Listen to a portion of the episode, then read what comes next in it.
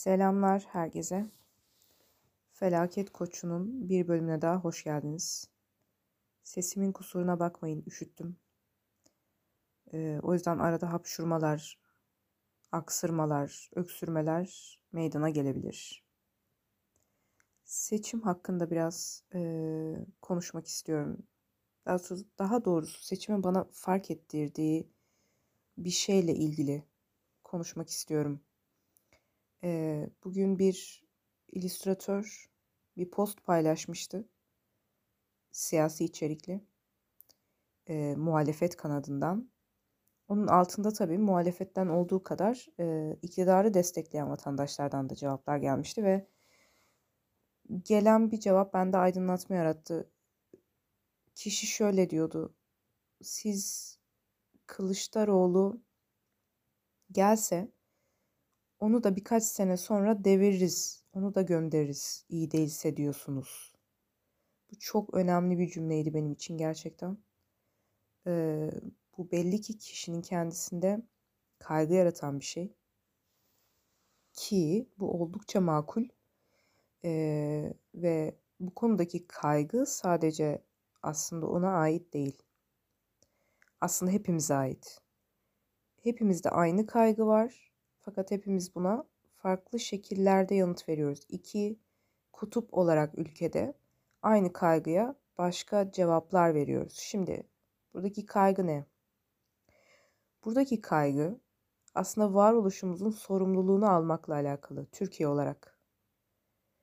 Türkiye olarak tüm tarihimizin, yüzyıllık cumhuriyet öncesi tarihimizin, bizi bugünlere getiren iyi kötü tüm olayların, tarihimizde yaşanan iyi gelişmelerin ama aynı zamanda yüz karası durumların, tarihimizde yaşanan utanç verici durumların, tarihimizde yaşanan gurur verici durumların, hali hazırda nasıl bir noktada olduğumuzun, ne kadar komplike bir ülke olduğumuzun, biz basit bir ülke değiliz. Komplike bir ülkeyiz biz. Tarihi her anlamda dolu dolu, geçmişi kabarık her anlamda ve güncel yaşamı kaotik, e, girift ve çok yönlü bir toplumuz. Böyle bir varoluşun sorumluluğunu almak kolay değil. Belki bir Moğolistan için varoluşun sorumluluğunu almak daha kolaydır ama Türkiye gibi bir ülke için bu iki dakikada hallolacak bir mevzu değil. Varoluşumuzun sorumluluğunu almak ve aynı zamanda onda etkin rol oynamak. Bu bizler için kolay değil ama aslında şu günlerde yapmaya çalıştığımız şey, aslında bir süredir yapmaya çalıştığımız şey bir yerde bu. Aslında diyebiliriz ki ülkecek bir olgunlaşma krizi. Bir 30 yaş bunalımı, orta yaş sendromu yaşıyoruz. Ne demeye çalışıyorum? Bu yaşlarda yaklaşık olarak 20'lerin sonu 30'ların başı ya da ortası yaşlarında olan insanlar şimdi ne demek istediğimi anlayacaklar. İnsanın bu yaşlarda karar vermesi ve eylemlerinin sorumluluğunu alması e, gittikçe zorlaşıyor. Çünkü eylemlerin sorumluluğu diye bir şey olduğunu iliklerinize kadar hissediyorsunuz. Böyle yaparsam, böyle olursa ve işler yolunda gitmezse bunun sorumluluğu komple bana ait. Suçu da günah da ama sevabı ve e, sefası da bana ait. Dolayısıyla bu noktada iki tip eğilim ortaya çıkıyor insanlarda. Birincisi şu. Her şeyi kontrol etmeye çalışmak. Hayatlarındaki her şeyi, verdikleri her kararı, yapmaya çalıştıkları her şeyi, kendilerini, bedenlerini, duygularını, her şeyi kontrol altında tutmaya çalışmak. Çünkü burası bir belirsizlik evresi çünkü hayatın kendisi bir belirsizlik ve bu yaşlara geldiğinizde bunu iliklerinize kadar hissediyorsunuz. Hayatın kendisi bir belirsizlik yumağı. Ne zaman ne olacağını, verdiğiniz hangi kararı sizi nereye götüreceğini bilemiyorsunuz. Dolayısıyla bir grup bu noktada her şeyi sürekli kontrol etmeye çalışıyor. Bunu bütün eğilimlerde görüyorsunuz. Mesela ilişkilerde görüyorsunuz. Kişi biriyle tanışıyor ve direkt şey yapıyor. Sen ciddi bir ilişki misin? Ha? Daha üçüncü gün falan yani. Diyor ki sen kesin net misin? İş sen oradaki her şeyi netlemeye ve her şeyi kontrol altında tutmaya çalışıyor. Sen böyle bir tavırda bulundun. Hasta mısın sen? Narsist misin? Şöyle misin? Böyle misin? Her şeyden şüpheleniyor. Ve her şeyi kontrol altında tutmaya çalışıyor ve her şeyden emin olmaya çalışıyor. Bunun için en çok başvurduğu şey yapı söküm ve hayır demek. Yani her şeyin altına uyuyor ve her şeyi hayırlıyor. İtiraz ediyor her şeye yani. Hayır onu öyle koyma. Onu onu hayır öyle koyma böyle koy. Bu aslında bir kontrol etmeye çalışma durumu. İkinci bir grup ise sosyal medyada mesela ikinci grubun daha fazla geyiği dönüyor. Görmüşsünüzdür. Bu belirsizliğin ve bu kararların sorumluluğu durumunun altında o kadar eziliyor, o kadar bunalıyor ki şöyle bir noktaya geliyor. Ya biri bana ne yapacağımı söylesin. Ya biri gelsin desin ki hayat böyle yaşanır. Bana biri akıl hocalığı yapsın. Yani gelsin böyle her şeye, her yüzüğe, herkese hükmeden tek bir yüzük hesabı. Hayatın ortalarından böyle bir bilgilik atsın üzerime ya da bir söz söylesin, bir şey yapsın. Ve böylece ben de hayatımı ona göre yaşayayım ve bu karar verme ve eylemlerimin, kararlarımın sorumluluğunu alma yükümlülüğünden kurtulayım kişisel gelişime dadanıyor kişi ya da dine dadanıyor. Dadanmak kelimesini özellikle kullanıyorum çünkü kişisel gelişimle veya dinle ilgilenmek kendi başına bir problem değil ama dadanıyorsanız bunlara ee, yani bunlardan böyle bir şey söylensin ben de ona göre gideyim. Ben çünkü ne yapacağım, ne edeceğim, nereye gidiyorum bilmiyorum yani. Hiç kendimi güvende hissetmiyorum. Bu iyi değil. Çünkü bu da varoluşun sorumluluğunu almamaya götürüyor. Gerçi ilk grup da varoluşun sorumluluğunu almış olmuyor. Aksine varoluşu kontrolle olduğu yerde tutmaya ve yavaşlatmaya çalışıyor. Diğeri ise akışa kapılmış diyor ki bari kararı ben vermeyeyim ya da ben bu karar vermeye çalışmakla uğraşmayayım. Biri bir şey, bir grup, bir yaşam biçimi, bir felsefe neyse işte yani bir şey gelsin ve ben ona tutunayım en azından yani sürükleniyoruz bari ona tutunayım. Yani düşünün ki insan yetişkinleştikçe bir derede sonsuza akan bir derede sürükleniyor. Biri akışı durdurmaya çalışıyor ya da akışa sürekli müdahale ederek kendini etkin hissetmeye çalışıyor. Diğeri akışta sürüklendiğinin farkında tutunacak bir dal arıyor. İkisi de varoluşun sorumluluğunu alan davranışlar değil.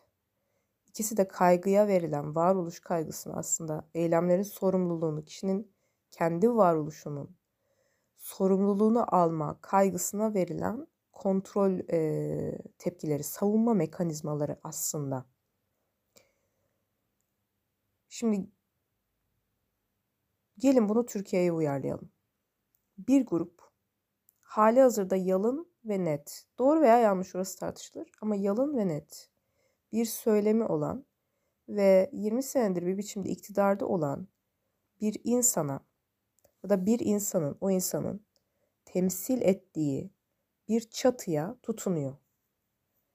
Ülkenin komple karmaşıklığının, kaotikliğinin, e, komplikeliğinin sorumluluğunu, varoluş sorumluluğunu almaktansa diyor ki bu böyle diyor işte tamam işte böyle yani. Hani kapsayamayacağım bütün Türkiye'yi kusura bakmayın e, her dakika değişim ya da her dakika orada kim var ne yapıyor bunu düşünüyor olmak istemiyorum. Böyle bir hayat ben de ona uyum sağlamak istiyorum diyor. Bu doğru bir yaklaşım değil. Çünkü bu başımızdaki insanların gene bizler gibi insan olduğunu göz önünde bulunduracak olursak insani yapılabilecek hatalar ya da insani yoldan çıkmalara da hepimizi açık hale, hepimizi bunun hedefi haline getiriyor. Nitekim zaten e, başımızdaki insanlar insan gibi yani sıradan sizin gibi benim gibi insan gibi gözükmesin diye e, mesela biliyoruz ki Recep Tayyip Erdoğan hakkında e, hani eğer başka peygamber gelecek olsaydı o bir peygamber olurdu. Tanrı onu işaret etmiştir gibi insan üstülüğün atfedilmeye çalışıldığı eylemler, davranışlar, söylemlerde görüyoruz zaten. Bu da Türkiye'nin bir kısmını e, bu varoluşsal kaygı ile ilgili tatmin ediyor. İkinci kısım ise bunlar da çok doğru davranmıyorlar. Onlar da Twitter'dan ülke yönetmeye çalışıyorlar. Bugün ya da bugünler için söylemiyorum ya da Twitter'ın ya da Twitter örgütlenmelerinin her zaman işe yaramadığını söylemiyorum tabii ki. Ama o da o grupta sürekli her bir hamleye, her bir davranışa e, müdahale ederek, her şey için sürekli açıklama isteyerek onu niye oraya koydunuz? O vapuru niye o renge boyadınız? Buradaki kaldırım taşını kaldırmışsınız. Belediye başkanı çabuk Twitter'dan hepimiz açıklama yap. Hayır onu öyle yapmayın. Kriz yükseliyor işte sosyal medyada. Ona göre devlet tavır değiştiriyor. Biri hapse giriyor. Hayır onu hapisten çıkarın. Çıkıyor. Biri hapse girmiyor. Hayır onu hapse koyun. O hapse giriyor. Yani sosyal medya devletçiliği türüyor. Bu da sağlıklı bir şey değil. Çünkü zaten organizatörler seçiyor olmamızın, devlet diye bir organizmanın, bir organizasyonun olmasının sebebi herkes oturup bununla uğraşmasın diye. Çünkü bizler küçük polis devletler değiliz. Yani şehir devletleri, küçük yapılaşmalar değiliz ki her mesele için agorada toplanalım da konuşalım yani. Günün sonunda 85-90 milyon neredeyse insandan oluşuyoruz. Dolayısıyla her şey bize izah edilemez. Ee, dolayısıyla her bir müdahalede doğru veya haklı olduğumuzu düşünemeyiz. En nihayetinde bir sürü sadece devletle alakalı konularda değil, ülke içerisinde olan bir sürü konuda bu linç politikaları yüzünden bazen yanlış anlamalar, olayın iç yüzünü bilmeden, e, yargıda bulunmalar, işte linçlemeler yüzünden bazı insanların da vakti zamanında bazı masum sizin gibi yine benim gibi insanların başına işler geldiğinin e, de bilincindeyiz hepimiz. Dolayısıyla gördüğünüz gibi iki kitlede varoluşsal sancıya, varoluşsal kaygıya e, Türkiye ile ilgili doğru tepki vermiyor aslında. Fakat bu kötü bir şey değil. Aslında burada iki kutuplulukla biz kendi varlığımızın, kendi ülkemizin sorumluluğunu almaya çalışıyoruz ve daha sonra sorumluluğunu almayı öğrenmeye çalışıyoruz. Bunu halletmeye çalışıyoruz ve bu konuda muazzam uygun bir kutupluluk çalıştırıyor. Çünkü insan da öyledir. Yani gene işte yetişkinliğin ilk yaşlarına döneceğim. İnsan orada sadece kontrol manyağı ya da sadece teslimiyet böyle bir sanrısal teslimiyet içinde değildir. İkisi birlikte gidiyordur. Bir insanın bünyesinde dahi ikisi de birlikte gidiyordur. Yani bazen kendinizi hayata teslim etmeye, bir inanışa, birinin söylediği söze, bir yerde okuduğunuz işte kitaptaki bir yaşam felsefesine, bir astroloğun sözüne bırakmaya çalışıyorsunuzdur. Bazen de gündelik hayatta saçma sapan her şeyi kontrol etmeye çalışıyorsunuzdur. Bunların hepsi yetişkinleşme sürecinin bir parçasıdır. Sonuç ne olursa olsun tüm bu çekişmeleri çok büyük resme çok tepeden bakacak olursak yani böyle Hubble teleskobunun oradan yaşarken öyle gelmiyor çünkü. Ne olursa olsun tüm bu çekişmeyi faydalı buluyorum. Çünkü herkes burada bir rolü çalıştırarak aslında bütüncüllüğe doğru götürüyor diğerini ve kendisini de farkında olmadan. Bir kutup bu kadar teslimiyet içinde olmasa diğer grup bu kadar kontrol mekanizması halinde olmaz. Bir grup bu kadar müdahaleci, bu kadar onu da deviririz, yanlış yaparsa onu da atarız, hepsini değiştiririz gerekirse demese öbürünün bu kadar teslimiyet ve istikrar ihtiyacı olmazdı. Dolayısıyla iki taraf birbirini besleyerek e, aslında istese de istemese de aynı zamanda birbirini dönüştürüyor. Şimdi bu noktada doğru olan ne o zaman? Hani ne zaman o zaman hani şey yaparız, düze çıkarız gibi bir sorunuz varsa ya da bunu kendi bünyesinde yaşayan bir insan da ne zaman düze çıkar diye bir sorunuz varsa bunun birincisi şu. Birinci cevap şu. insan kendisi zaten böyle kaygılar yaşayan bir canlıdır.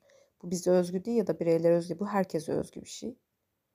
Bunun içinde hayatta bir takım işleyen, ne olursa olsun işleyen sistemler ve mekanizmalar oluşturmuştur tarih boyunca. Türkiye'deki bu aşırı varoluşsal kaygının dinebilmesi için güçlü bir devlete ihtiyaç var. Hükümete değil. Hükümet başka bir şey. Devlete. Devlet mekanizmasını. Yani adalet, hukuk, yasama, yasalar, kanunlar uygulanması gereken. Şimdi bu oluşamıyor Türkiye'de. Bu tamamen ve tamamen yani komple AKP'nin suçu da değil. Öncesinde de oluşamıyordu. Şimdi daha da oluşamıyor. Bu olay gittikçe bir krize dönüşüyor. Bu kriz kaygıyı besliyor. Kaygı da kutuplaşmayı arttırıyor. Şimdi bu neden oluşamıyor? Çünkü en başta bunu gündelik hayatta biz bozuyoruz. Bunu gündelik hayatta en başta biz bozuyoruz. Murat Önderman da söylediği gibi Türkiye'de gündelik hayat kaotik, düzenli anarşi var Türkiye'de yaşamda. Gündelik hayatta bir düzenli anarşi var. Yani ne demeye çalışıyorum? Hiçbirimizin ne olursa olsun kimse için ve kimse uğruna ne olursa olsun çiğnemediği kuralları diye bir şey yok.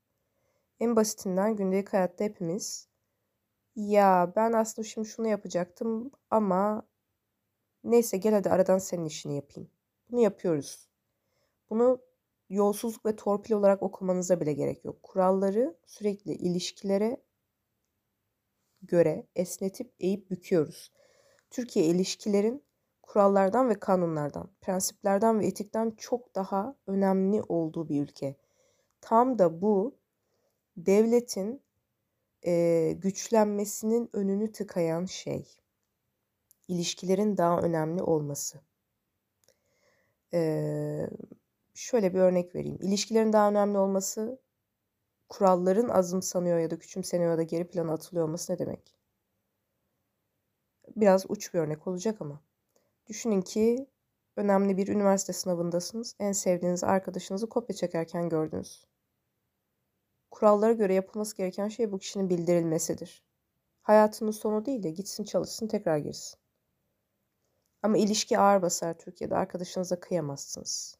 Değil mi? İşte tam olarak bu kuralsızlığı getiriyor.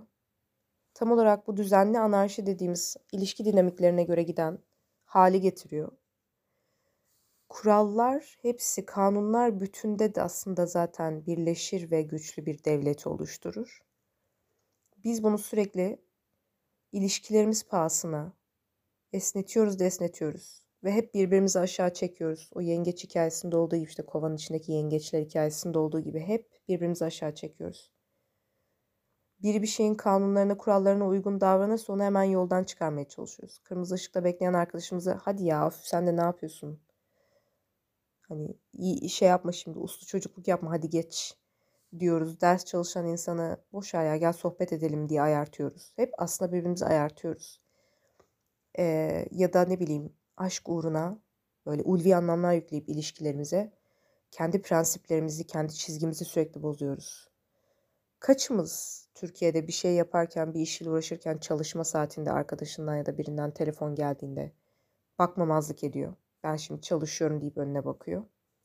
İşte bu kuralların sürekli esniyor olması gündelik hayatta, bu düzenli anarşi güçlü esnemez kanun e, ve yolların ana bu kanunları ya da kuralları yol oluşması gibi düşünün. Yani patikalar ya da bilinmez böyle bir çayırda kendi başımıza dolanmak gibi değil de yollar oluşacak işte net asfaltın olduğu yanları çizili yollar. İşte bu insana kendini daha güvende hissettirir. Güçlü bir devlet olmadan bununla asla orduyu, ekonomiyi vesaireyi kastetmiyorum. Hepimiz için geçerli kurallar, kimse için esnemeyen kurallar ve kaideler. Bahsettiğim şey bu. Bu olmadan ve bu ilk önce devletten önce gündelik hayatın içerisinde bizlerce sağlanmadan kaygının azalması en azından belli bir oranda azalması mümkün değil. Bu kaygıyı arttıracaktır. Bu da Türkiye'deki kutuplaşmayı arttıracaktır günün sonunda. İkincisi şu. Varoluşumuzu, varoluşumuzun karmaşıklığını, komplikeliğini kabul etmek. Kaygıdan kaçınmak için kendimizi salt bir İslam devleti, salt bir Batı devleti, salt bir Türk devleti, salt bir Kürt devleti her neyse salt bir şey olarak kabul edilebilecek salt bir şey olarak görme zorlantısından vazgeçmek. Çünkü burası böyle bir coğrafya değil. Burası hiçbir zaman böyle bir coğrafya olmadı bu arada. Türkler e, Anadolu'da değilken de Anadolu böyle bir yer değildi. Anadolu hep biraz e, aşuredir. Yani bir tarafta felsefenin üretildiği, bir tarafta büyünün yapıldığı, işte bir tarafta insanların X dinine tapındığı, bir tarafta Y dinine tapındığı, bir tarafta filanca ırkın, bir tarafta filanca ırkın olduğu. Irk çorbasıdır aynı zamanda. Mesela bugün İç Anadolu bölgesinde yaşayan insanların yaklaşık %5 ile %15 arası genetik kodlanmalarında Kelt geni olduğunu biliyor muydunuz? Bugünkü İngilizlerden, Almanlardan bahsediyorum. Yani onlar bile buraya göç etmiş kalmışlardır. Anlatabiliyor muyum? Burası karmaşık bir coğrafya. Bunu kabul etmek ve bunu kapsayacak bir şey bulmak. Bunu kapsayacak bir şemsiye altında birleşebilmek, bunun içinde bunu bulabilmek. Bu da bir diğer kurtuluş noktamız. Aynı bir insanda olduğu gibi. Eğer bir insanın hayatında esnetmediği prensipleri, kuralları olursa belli bir takım. Onlar içerisinde zaten kendini o sütunlar içerisinde, o sütunların altındaki çatıda, o çatının altında pardon, zaten kendisini daha güvende hissedecektir.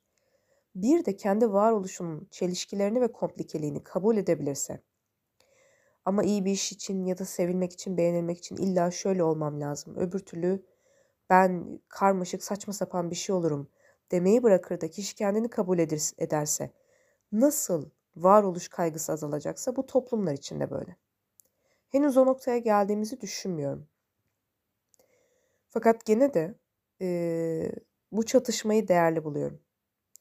Bu çatışmanın bizi götüreceği yeri değerli buluyorum. Bu yüzden düşmanca değil, birbirimizi öldüresiye değil ama herkesin kendi görevini, safını dibine kadar yapması gerektiğini düşünüyorum.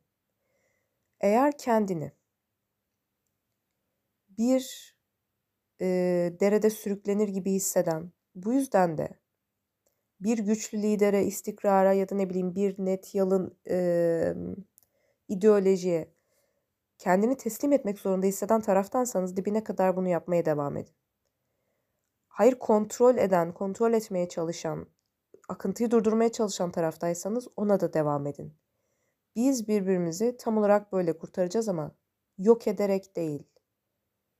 Sonunda füzyon tepkimesi gibi birleşeceğiz. Ama bu noktada birbirimizi yok etmeye çalışırsak, birbirimize diş bilemeye kalkarsak, öbürü olmasa aslında ben çok rahat edeceğim dersek ve edineceğimiz zaferlerden dolayı böyle bir hınç falan duymaya kalkarsak, oh diğeri şimdi mahvolacak, işte ben bir başa geleyim sizin tarafa yapacağımı biliyorum gibi saçma sapan intikam noktalarına götürürsek Habil ile Kabil hikayesinden daha öteye gidebileceğimiz bir yer yok ama günün sonunda tüm bu çatışma, çekişme, tüm bu birbirini itip çekme, kimyevi böyle etkileşim gibi, kimyasal etkileşim gibi tüm bunları yaparak aslında büyük resimde birbirimize daha da karmaş, karıştığımızı, karmaşıklaştığımızı aslında daha da çünkü insan büyüdükçe nasıl karmaşıklaşıyorsa toplumlar da büyüdükçe karmaşıklaşır.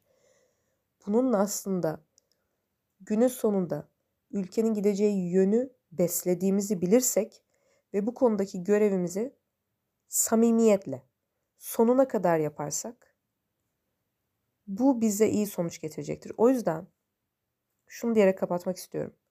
Herkes oy kullansın. Herkes sandığının başında dursun. Dürüstçe dursun. Herkes bunu yapsın. Herkes sözünü söylesin. Ne taraftan olursa olsun kimseye küfretmek için değil. Herkes tarafını belli etsin. Herkes gitsin oy kullansın. Herkes sandığına sahip çıksın. Mücadeleye devam. Tam da böyle ite çeke, takışa takışa, kafa kafaya gele gele, çelişe çelişe büyüyeceğiz. Böyle büyüyeceğiz. Diğer toplumlar da böyle büyüdü. Ya da büyüyorlar. Biz de böyle büyüyeceğiz. Evet arkadaşlar hepinize iyi geceler diliyorum. Kendinize çok iyi bakın. Hoşçakalın.